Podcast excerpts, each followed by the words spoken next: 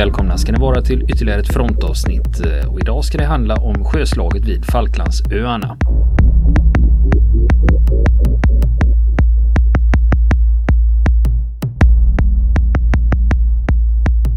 Falklandsöarna, ja. Nu är vi tillbaka där igen. Tillbaka. De som lyssnat mycket på fronten vet ju att eh, vi Frontens redaktion har en liten svaghet för Falklandsöarna.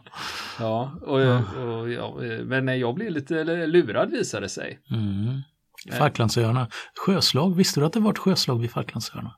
Jag vet ju om att det var en eh, atomubåt som torpederade en eh, argentinsk kryssare som hette mm. Belgrano. Till exempel. Just det, just det. 1982. Jajamän, den har vi snackat om också. Ja visst, ja. vi har pratat mycket Falklandskriget här. Precis, fast eh, nu är det inte 1982 som gäller. Utan nu förflyttar vi oss över hundra år tillbaka i tiden till 1914. När du säger över hundra år tillbaka i tiden. Ja. Ja, det, du har ju rätt va? Men ja. det känns ju som... ja, visst. Ja, lite så gör det det. Alltså tiden går ju. För just då, 19, slutet av 1914, så inträffade faktiskt ett stort sjöslag utanför Falklandsöarna mellan brittiska och tyska eh, örlogsfartyg. Det här tillhör ett av de mindre kända kapitlen kanske i, i eh, första världskrigets historia. Därför att när man tänker på sjöslag så fokuserar man ofta på de stora sjöslagen. Och det enda stora sjöslaget som inträffade under första världskriget det var ju eh, slaget vid Jylland, Skagerrak. Sjöslaget vid Skagerrak. Men ändå så kan man säga att i början av kriget så inträffade massor av dramatiska episoder med sammandrabbningar. I princip på de sju haven. Mellan tyska och brittiska. Det var världskrig alltså? Ja, det var ett världskrig. Och eh, den här historien om sjöslaget vid eh, eh, Falklandsöarna och upptakten till det. Eh, när jag har studerat det närmare, så, alltså min slutsats är att det här är ett så jäkla spännande kapitel att jag är så förvånad att inte någon filmproducent har gjort en riktigt spännande rulle av det här. Så mycket dramatik? Ja, jag skulle vilja säga det med alltså drastiska vändningar i den här historien fram och tillbaka som, eh, som eh, ö, överraskar läsaren slash lyssnaren och de personerna som var med vid den här tiden, amiralerna på bägge sidor. Där finns mycket stoff för att göra en riktigt spännande story. Så får vi se hur spännande jag lyckas göra den här. Men jag ska göra mitt bästa i alla fall. nu har du byggt upp förväntningarna. ja, visst. Ingen press. Som sagt. Men som man sa, det här med sjökrigshistoria, stora sjöslag, det är ofta det det handlar om. Men någonting som eh, man ofta glömmer bort eller som hamnar lite vid sidan av när man skriver sjökrigets historia, det är i alla, det är det som eh, i modern tid har kallats för kryssarkriget. Det är alltså kryssarna som började byggas på 1800-talet var ett fartyg kan man säga i mellanstorlek det var, inte, det var inte de största fartygen, alltså de största fartygen det var ju slagskeppen. Och sen eh, mindre fartyg, det är ju jagare och fregatter. Och däremellan så hade man kryssare som var eh, stora men inte alltför stora. Eh, och som, eh, som eh, ja, i, i princip låg någonstans mellan 5 och 10 000 ton i början av 1900-talet i vikt. Och eh, hade kanske kanoner 10-15 centimeter, kanske till och med 20 centimeter kaliber, de allra största. Och de här var tänkta i många fall att patrullera haven, långt från hemmabaserna. Och eh, vara ute i långa perioder. Och när det var krig så var ett uppdrag de hade att attackera fiendens handelsfartyg. Fiendens handelssjöfart helt enkelt eh, ute på haven. De skulle sikta in sig på handel då för att försvaga fiendens ekonomi, sänka fiendens transporter av krigsmateriel och även trupptransportfartyg då. Och eh, göra haven helt enkelt osäkra för fienden, ungefär som ensamma rovdjur som eh, strövar på den stora savannen ungefär, som du inte riktigt kan veta var de dyker upp och var de slår till sedan. Men var rörde de sig oftast eh, ensamma då? Ja, de här kryssarna rörde sig, tanken var att de skulle röra sig ensamma på havet. Och det, man kan se lite grann om det även under andra världskriget sen. Eh, av det här. Eh, och eh, en av, en av syftena med det här då, det var dels som jag sa att man skulle försvara, försvaga fiendens ekonomi. Du gör haven osäkra. Och samtidigt så binder du stora delar av fiendens flotta för att jaga de här eh, kryssarna som kunde dyka upp lite var som helst på haven. Det här var ju före radarns tid. Och före flygspaningens tid. När det här uppstod. Det här övertogs ju sedermera av ubåtarna. På allvar. Även mot slutet av första världskriget och i synnerhet under andra världskriget.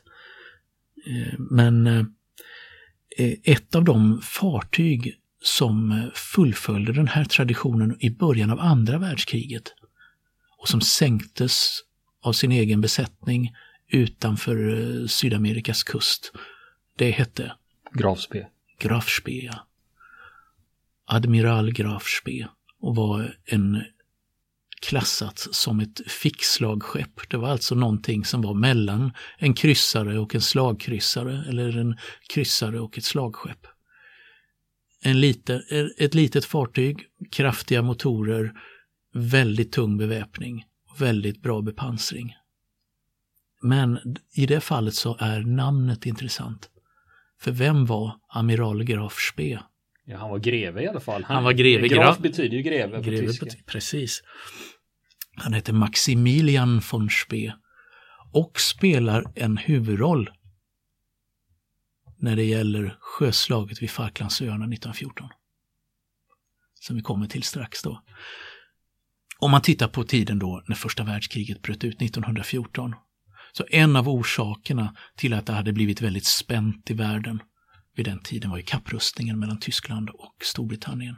Storbritannien var stormakten nummer ett i världen, hade kolonier över hela världen. Ett riket över vilket solen aldrig gick ner, som det kallades. Och för att hålla ihop det här riket och försvara det så hade man världens största flotta.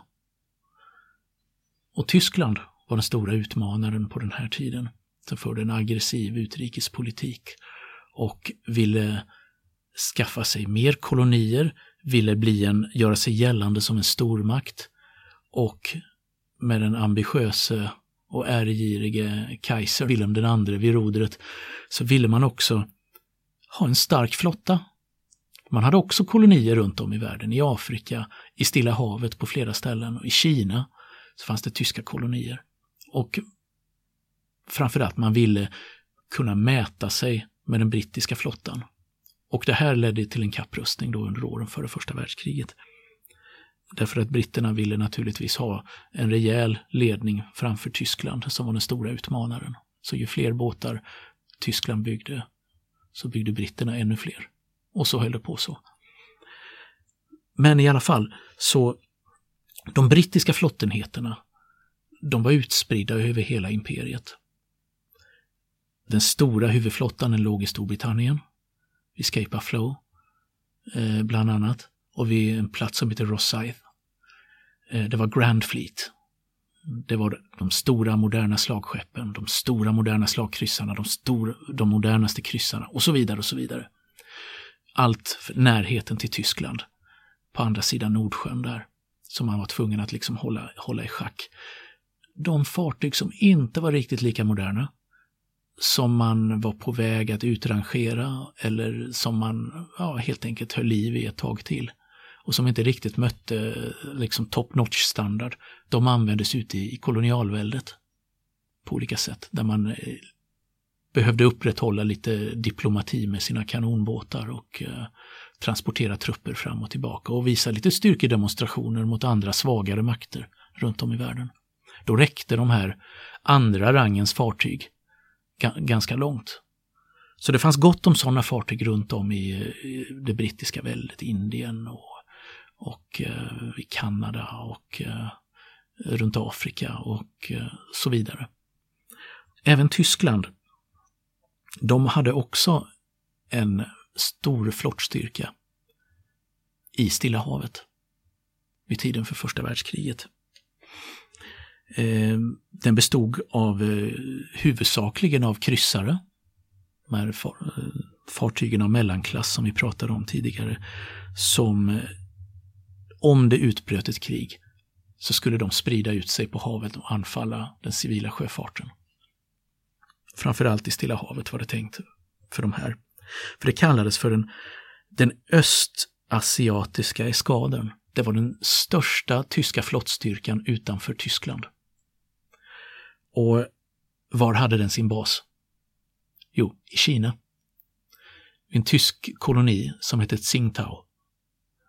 Det är en stad som Qingdao tror jag den heter idag. Jo, den heter Qingdao idag. Där kan man fortfarande köpa anständigt öl. En tradition från den tyska, från tyska en, ett arv från den tyska kolonialtiden som tog slut då under första världskriget. Man hade från den tyska sidan liknande planer som britterna. Britterna hade redan ett nätverk av baser över hela världen där man kunde bunkra kol och andra förnödenheter för sina fartyg. Tyskarna ville ha det likadant. Men man hade inte resurser för att klara det här. Så istället så satsade man på att bygga upp ett nät av eh, agenter kan man säga. Inte underrättelseagenter utan handelsagenter i neutrala hamnar som kunde se till att leverera kol eller bunkerolja, lite ovanligare på den tiden, och eh, livsmedel och allt som behövdes ombord när de tyska fartygen anlöpte en neutral hamn. Det var själva planen man hade från den, från den tyska sidan då. Och eh, den här östasiatiska eskaden som vi pratade om, den bestod vid krigsutbrottet 1914 av, av framförallt två pansarkryssare. Alltså två välbepansrade eh, kryssare som vägde drygt 11 000 ton och så hade de 21 centimeters eh, kanoner alltså 21 centimeters kaliber, åtta stycken vardera. De hette Scharnhorst och Gneisenau. Ringer det en klocka? Nej, det låter som tunnelbanestationer i Berlin. ja, kunde varit. Nej, det fanns två fartyg, välkända fartyg från andra världskriget som hette Scharnhorst och Gneisenau. Eh, och de hade sina förlager från första världskriget. Nämligen. För då fanns det också två fartyg, stora fartyg som bar de här namnen ganska vanligt i marina nationer att namnen ärvs i ny, nya generationer av fartyg. De hade stöd av ett antal lätta kryssare. De hade välövade, de hade erfarna besättningar. De hade väldigt duktiga artillerister som var väldigt väldisciplinerade och väldigt, väldigt eh, pricksäkra eh, ombord på de här fartygen.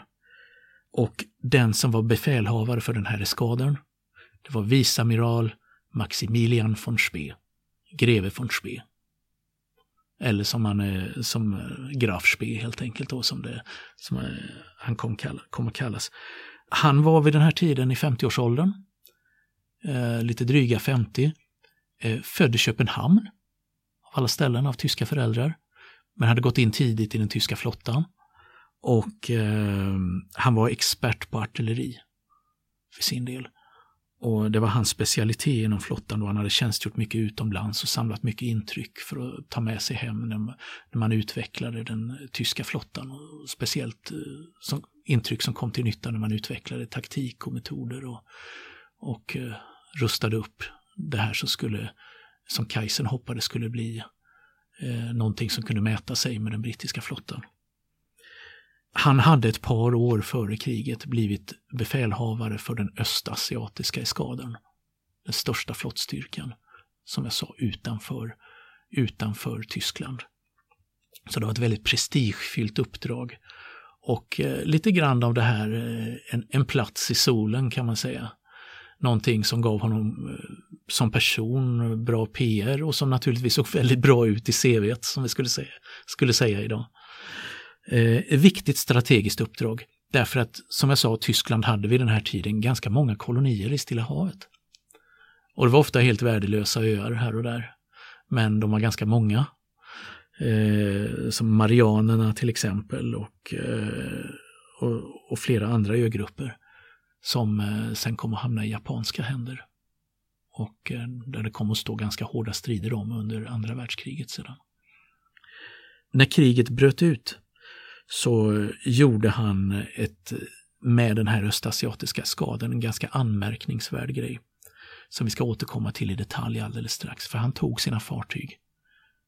Stannar han i Stilla havet? Nej, han drog tvärs över Stilla havet till Sydamerika och rundade Kap Horn. Därför att han insåg att det här Stilla havet kommer vara en alldeles för ohälsosam plats att vara på. Vi kommer inte ha tillräckligt stort manöverutrymme även om Stilla havet är stort. Här finns alldeles för många fientliga krigsfartyg som kommer jaga oss. Så att eh, han gav sig bort till södra Atlanten istället. Men vid det laget var det väl bara brittiska flottan som var hot? För det var väl inga fler länder som var ute efter tyskarna? Jo, det var det. Det kom där. Och från ett håll som man kanske inte tänker på som helt självklart när man har andra världskrigets referenser i huvudet. Då är det Japan. Ja. Japan var allierat med Storbritannien under första världskriget. Japan var Tysklands fiende under första världskriget. Ja, ja, då hade du ju två stormakter för Japan. eh, Eller hur stora mm. var Japan vid den här tidpunkten? Japan var, det, var liksom, för det Japan fanns ju senare var, vet jag att det fanns koloniala strävanden men Ja. vid den här tidpunkten. De hade väl dängt Japan- ryssarna i alla fall 1900. eh, Japan var en, eh, en eh, stormakt på uppgång vid den här tiden. Man hade erövrat Korea. Eh, man hade besegrat Ryssland i ett krig och ett stort sjöslag 1904-1905. Sjöslaget vid Tsushima eh, utanför Koreas kust. Eh, där den japanska flottan, som ryssarna inte hade tagit på allvar, sänkte trumvirvel den ryska Östersjöflottan. Alla. Ja, den ryska Östersjöflottan hade tagit sig en världsomsegling runt Afrika och hela vägen upp Sydostasien för att möta japanerna. Och det gick åt skogen totalt därför att man hade underskattat eh, Japan som eh, en militärmakt.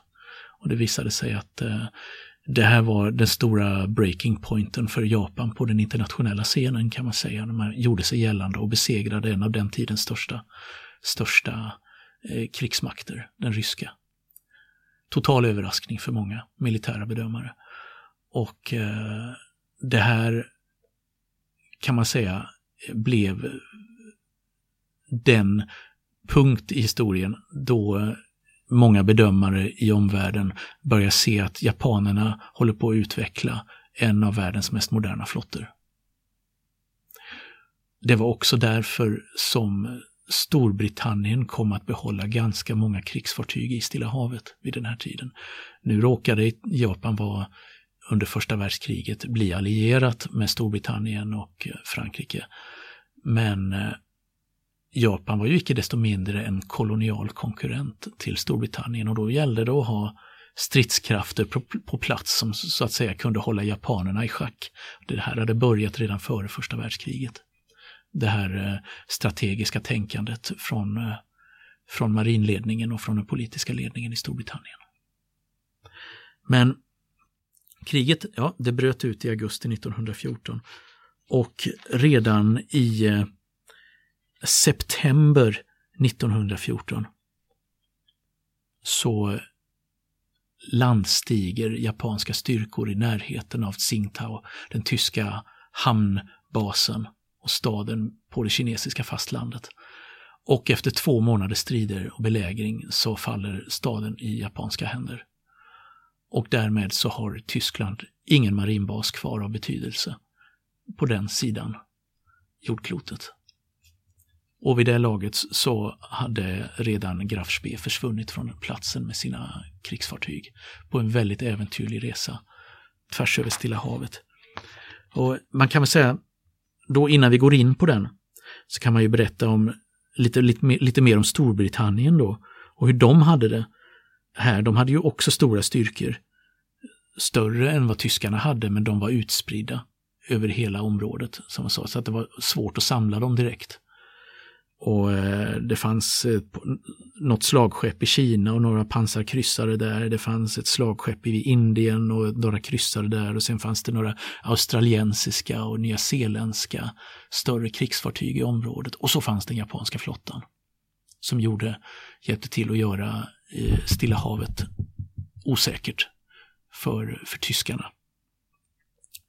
Men som jag sa tidigare, de här fartygen, de här brittiska fartygen, de var ganska omoderna. Tanken var att de skulle markera närvaro helt enkelt i området. Så länge tills, om det uppstod en kris, att man skulle kunna skicka moderna flottstridskrafter till området istället. Och kanske få förstärkning av både franska och ryska och japanska. Samtidigt så blockerade, blockerade britterna den tyska högsjöflottan eh, i eh, Europa. Den låg i sina hamnar och kunde inte löpa ut utan att ja, riskera att hamna i en stor sjö, ett stort sjöslag med den mångdubbelt överlägsna brittiska flottan på Nordsjön. Den östasiatiska eskaden under speden sågs också som ett stort hot därför att den skulle kunna ställa till med oerhört mycket stor skada på handelssjöfarten. När kriget väl hade brutit ut. Och speciellt om de spred ut sig, de här kryssarna, alltså att man inte opererade tillsammans som en enad flottstyrka utan man gav sig ut på olika håll för att täcka så stor yta som möjligt. Då skulle man bli svår att lokalisera och samtidigt så skulle man kunna slå till på många olika platser på en och samma gång. Det var det, det som man var väldigt bekymrad för i det, i det brittiska marindepartementet vid den här tiden. Vad ska amiral Spee ta sig till? Och han hade väldigt stor handlingsfrihet. Jag menar det här var långa kommunikationsvägar på den här tiden. Det är inte idag, som idag när vi har satellitkommunikationer. Utan det tog väldigt lång tid för, eh, för meddelanden att transporteras. Även om telegrafen fanns vid den här tidpunkten så var, kunde order och beslut vara väldigt eh, föråldrade när de väl kom fram till den som behövde ha dem. Så att han hade fått väldigt stor handlingsfrihet av sina överordnade och kunde handla helt enligt eget omdöme. När kriget väl bröt ut så eh, ja, då visade det sig att även hans styrka, precis som britterna, råkade just i det ögonblicket vara utspridd. De flesta av hans fartyg, de, de befann sig på övning eh, i en ögrupp som heter Karolinerna som ligger norr om Nya Guinea. Där befann sig Scharnhorst och Gneisenau och en av hans kryssare som heter Nürnberg. Just då Eh, när han fick underrättelse om att nu har första världskriget brutit ut. Vi har inlett fientligheterna mot Storbritannien. Vad gör han då? Han försöker samla sina styrkor så gott det går. Han kallar till sig de flottenheter som finns i Tsingtao.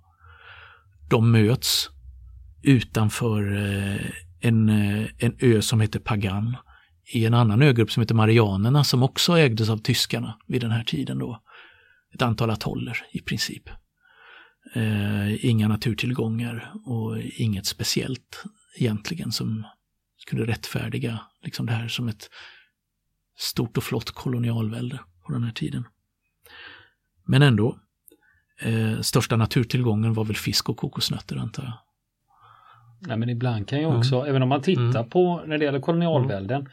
för ibland så kan man titta på det, men vad ska de med det? Det finns ju ingenting där. Nej. Men ibland är det en mm. geografisk placering som är viktigare, det vill säga Exakt. att du faktiskt har en bas mm. där. Ja. Som, även om det kanske inte hade lika stor roll Nej. då som sen under mm. andra världskriget till exempel. du kunde anlägga flygfält precis. på precis. små öar och plötsligt blev det viktigt. Jajamän. Men det fanns ju en strategisk här... Eh, poäng med att ha Exakt. en liten bas någonstans. Exakt.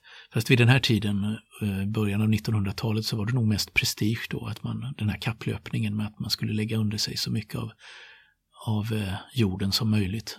Då från kolonialländernas sida då, att eh, då gällde det att ha lite små öar och lite mark Men runt kan, om. Bli... Tyskland kom ganska sent in i den här kapplöpningen mm. och var liksom Eh, de var inte ens nummer två utan de var kanske trea för att Storbritannien och Frankrike hade lagt beslag på det mesta redan. Ja. Så man säger att Storbritannien mm. hade köpt Norrmalmstorg och centrum mm. och så fick liksom Tyskland hålla, sig, hålla till godo med Hornsgatan och... Det var något åt det hållet kan man, man säga. Nu drar en monopolanalogi. Exakt, liksom.